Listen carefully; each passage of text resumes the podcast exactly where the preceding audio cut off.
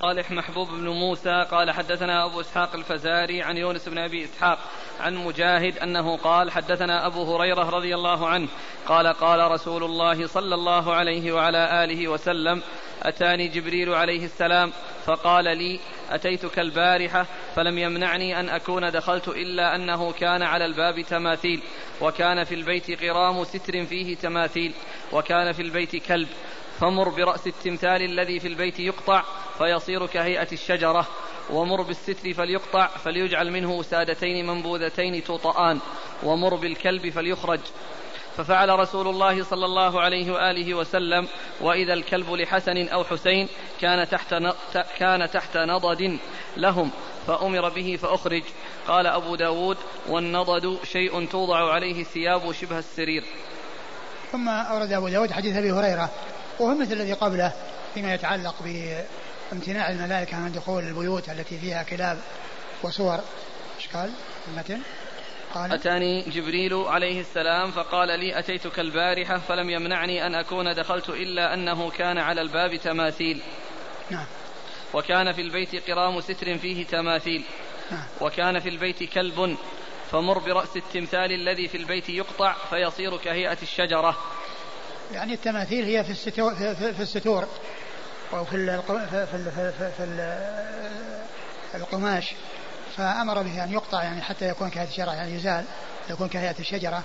وال وهذا يتخذ يقطع ذلك القماش فيكون يعني فرش ويخرج الكلب. نعم. ومر بالستر فليقطع فليجعل منه وسادتين منبوذتين توطآن منبوذتين يعني ممتهنتان. نعم. ومر بالكلب فليخرج. نعم. ففعل رسول الله صلى الله عليه وسلم وإذا الكلب لحسن أو حسين كان تحت نضد لهم فأمر به فأخرج. نعم. قال أبو داود والنضد شيء توضع عليه الثياب شبه السرير. نعم. قال حدثنا أبو صالح محبوب بن موسى.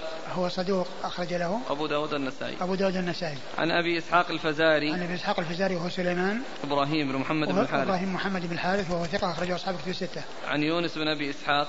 عن يونس بن أبي إسحاق وهو صدوق. يهم قليلا. يهم قليلا أخرج له. البخاري في الجزء القراءة ومسلم وأصحاب السنة. البخاري في جزء القراءة ومسلم وأصحاب السنة. عن مجاهد. عن مجاهد بن جبر المكي ثقة أخرج له أصحاب الكتب الستة. عن أبي هريرة. عن أبي هريرة عبد الرحمن بن صخر الدوسي صاحب رسول الله عليه الصلاة والسلام وأكثر أصحابه حديثا على الإطلاق رضي الله عنه وأرضاه.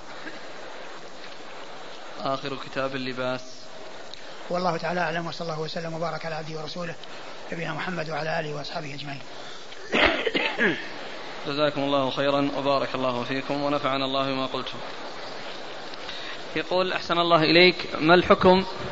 ما حكم التجارة بفيز الإقامة؟ حيث أن الدولة تمنحها بألفين بألفين ريال وتباع من ثمانية إلى عشرة آلاف أو أكثر.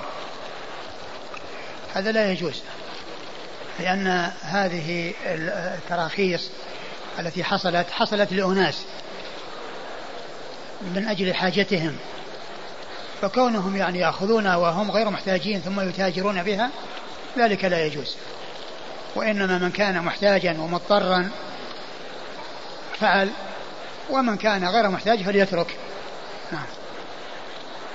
وهل يجوز الدخول بالجوال المكتوب على شاشته لا إله إلا الله أو أي ذكر آخر إلى الحمام؟ ما ينبغي أن يكون شيء من من تلك الأدوات يعني فيها كتابة فيها ذكر الله لأن هذا يؤدي إلى امتهان ذكر الله سبحانه وتعالى وامتهان اسم الله سبحانه وتعالى. فهذا ال يعني ال الواجب أن يمسح وأن يزال وأن لا يبقى يعني شيء يعني في مثل هذه الآلات والتي ينتفع بها الناس. ثم أيضا مما ينبغي أن يعلم أن الذي ينبغي أيضا أو الذي مطلوب أن تقفل تلك الجوالات. بحيث يعني لا يحصل تشويش على الناس في الصلاة. أحيانا يعني يأخذ الجوال لمدة يرن وصاحبه يتركه. وأسوأ من ذلك بعض الجوالات التي تكون آه، يكون فيها موسيقى. فيكون يعني في المسجد وتشتغل هذه الموسيقى في الجوال. فإن هذا من من من أسوأ ما يكون. نعم. أصحاب الجوالات الآن عندهم رسائل. يكتب رسالة يقول له صل على النبي صلى الله عليه وسلم عشر مرات وأرسلها إلى عشرة آخرين. أمانة عليك تفعل ذلك. لا, لا يفعل هذا وإنما هو يصلي على الرسول صلى الله عليه وسلم ويكثر من الصلاة على الرسول صلى الله عليه وسلم ولا يشغل نفسه برسائل على الجوالات. افعلوا كذا لا تفعلوا كذا. آه، جاء سيماهم التحليق؟ هل هذا صحيح؟ وما معناه؟ آه، الخوارج نعم علامتهم التحليق. علامتهم التحليق يعني وأن هذه سمة لهم وعلامة لهم. و لكن قد جاء في السنة ما يدل على أن التحليق في غير الحج والعمرة أنه سائغ وأنه لا بأس به وإنما المحذور هو أن يتخذ اقتداء بهم أو أن يكون متشبها بهم أي اللي هم الخوارج. نعم. يقول بواب الحرم يضطر إلى أن يتكلم يوم الجمعة أثناء الخطبة مع الحجاج الذين معهم شيء من العفش. هل يكون قد لغيت جمعته؟ هذا كما هو معلوم من الحراس الذين مكلفون بأعمال ولهم أن يتكلموا في الشيء الذي فيه المصلحة. فهذا من جنس الحارس المؤتمن على شيء المؤتمن على شيء فإن له أن يؤدي الأمانة. فإذا كان حصل يعني شيء يعني آه لا يناسب أو آه ونبه عليه فإنه لا بأس بذلك. لأن هذا قائم بعمل وقائم بالحراسة ويمنع من الشيء الذي آه لا ينبغي أن يدخل في المسجد. المريض الذي يضع على ذراعه شيئا لمرضه بحيث لا يتمكن من غسل هذا الموضع. هل يتوضأ أم يتيمم؟ إذا كان آه، شيء يعني ثابت على محل الوضوء يكون مثل الجبيرة أو مثل الشيء الذي آه، آه، لصق يعني عليه ونزعه يعني يكون في مضرة ويترتب عليه يعني ضرر على الإنسان لو نزعه فإنه يمسح عليه. يعني يغسل البارز ويمسح على المكان المغطى. فإن لم يمكن المسح ينتقل للتيمم؟ لا ليش ما يمكن المسح؟ المسح يعني يعني شيء هو المحذور من الداخل والمسح ممكن. إذا كان الجرح مكشوف ما عليه شيء. إذا كان الجرح مكشوف إذا كان الجرح مكشوف ولا يعني ولا يصله المانع يتيمم. عن هذا الموضوع ويتوضأ نعم. عما بقي. إي نعم. لكن إذا كان مغطى يمسح ولا يتيمم.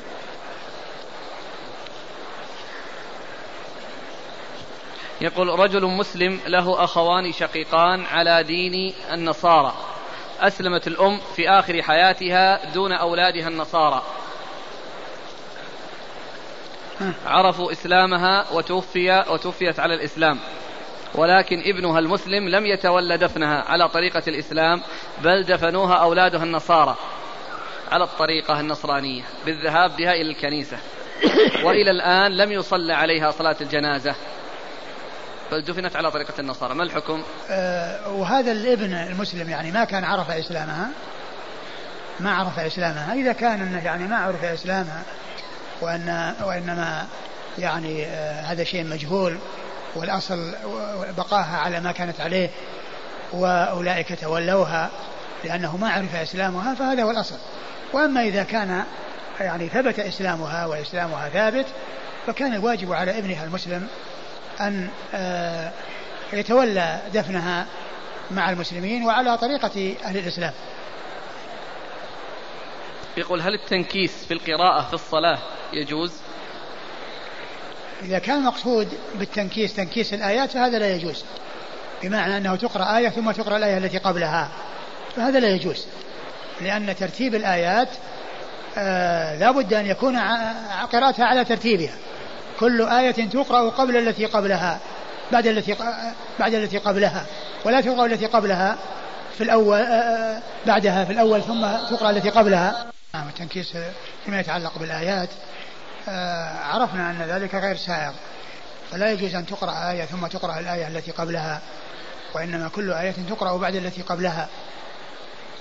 وأما آه، الآيات أما السور وتقديم على بعضها على بعض فالأصل أن كل سورة تقرأ بعد التي قبلها. يعني يعني آه، آه، لا يقدم يعني سورة متأخرة على سورة متقدمة. هذا هو الأصل والذي ينبغي. لكن إذا حصل فإنه لا بأس به. جائز. ولكن الأولى عدمه وهو أن يؤتى بالترتيب على ترتيب القرآن. ويعني مما يدل على جوازه قصة الرجل الذي جاء في الحديث أنه كان آه، يعني يقرأ قل هو الله أحد يعني يقرأ شيء من القرآن ويقرأ قل هو الله أحد. فإنه من المعلوم أن قل هو الله أحد ليس بعدها في المصحف إلا سورتان وهما سورة الفلق وسورة الناس.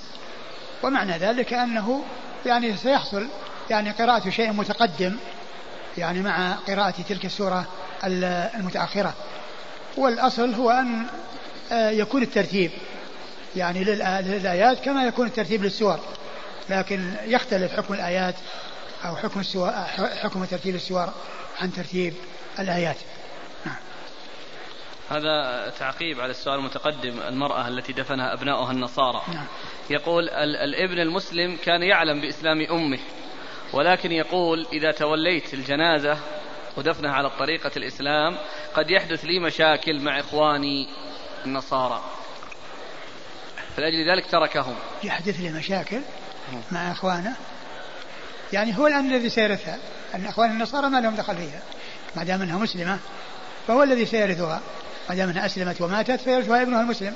دون على كل يعني هذا العمل يعني عمل يعني عمله يعني عمل غير صحيح. وكان الواجب عليه أن يقوم هو بما يلزم لأنه هو وليها والكفار أولادها الكفار ليسوا أولياء لها. طيب ممكن يصحح الآن؟ ممكن يتدارك شيء؟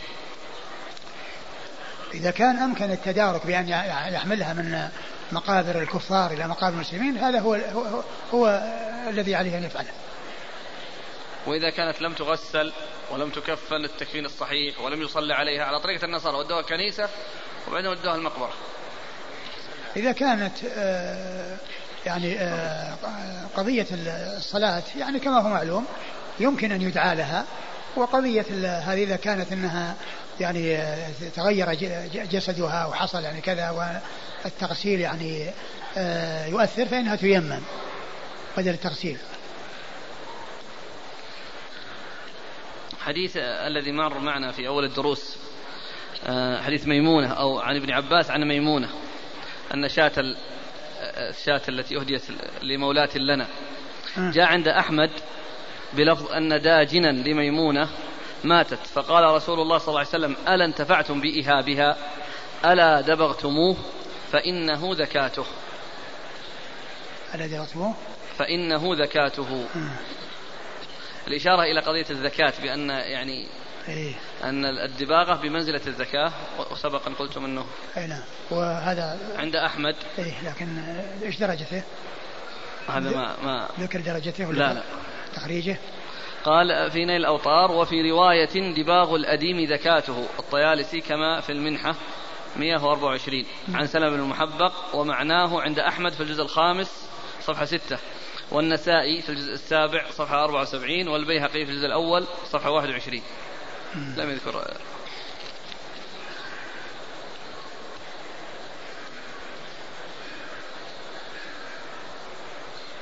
حديث ابن عمر نهى النبي صلى الله عليه وسلم أن ينتعل الرجل قائما. الأخ يقول فائدة قال المناوي والأمر في الحديث للإرشاد. لأن لبسهما قاعدا أسهل وأمكن ومنه أخذ الطيبي وغيره تخصيص النهي بما في لبسه قائما من تعب. كالتاسوعة والخف. انتهى. حديث نهى النبي صلى الله عليه وسلم أن ينتعل الرجل قائما يقول الأخ رواه أبو داود من حديث جابر وقال النووي في رياض الصالحين رواه أبو داود بإسناد جيد. وهذا اللي كان في عنعنة؟ اللي في العنعنة قلتم. نعم. وبعدين الأخ عبد الحكيم قال أن الشيخ ذكره. لكن الشيخ الألباني قال أنه ذكر عن عن غير جابر. نعم.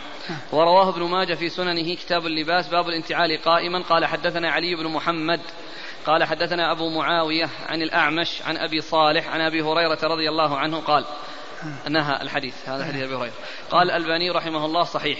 وقال ابن ماجه حدثنا علي بن محمد. قال حدثنا وكيع عن سفيان عن عبد الله بن دينار عن عمر قال نهى نهى الحديث. قال الألباني صحيح. الثالث. يقول قال الشيخ عبد العزيز السدحان حفظه الله في محاضرة له عن الشيخ الإمام عبد العزيز بن باز رحمه الله بالجامعة الإسلامية. قال الشيخ إنه قرئ على الشيخ بن باز رحمه الله هذا الحديث من السلسلة الصحيحة. وبعد البحث أعل الشيخ ابن باز رحمه الله الحديث بعلة.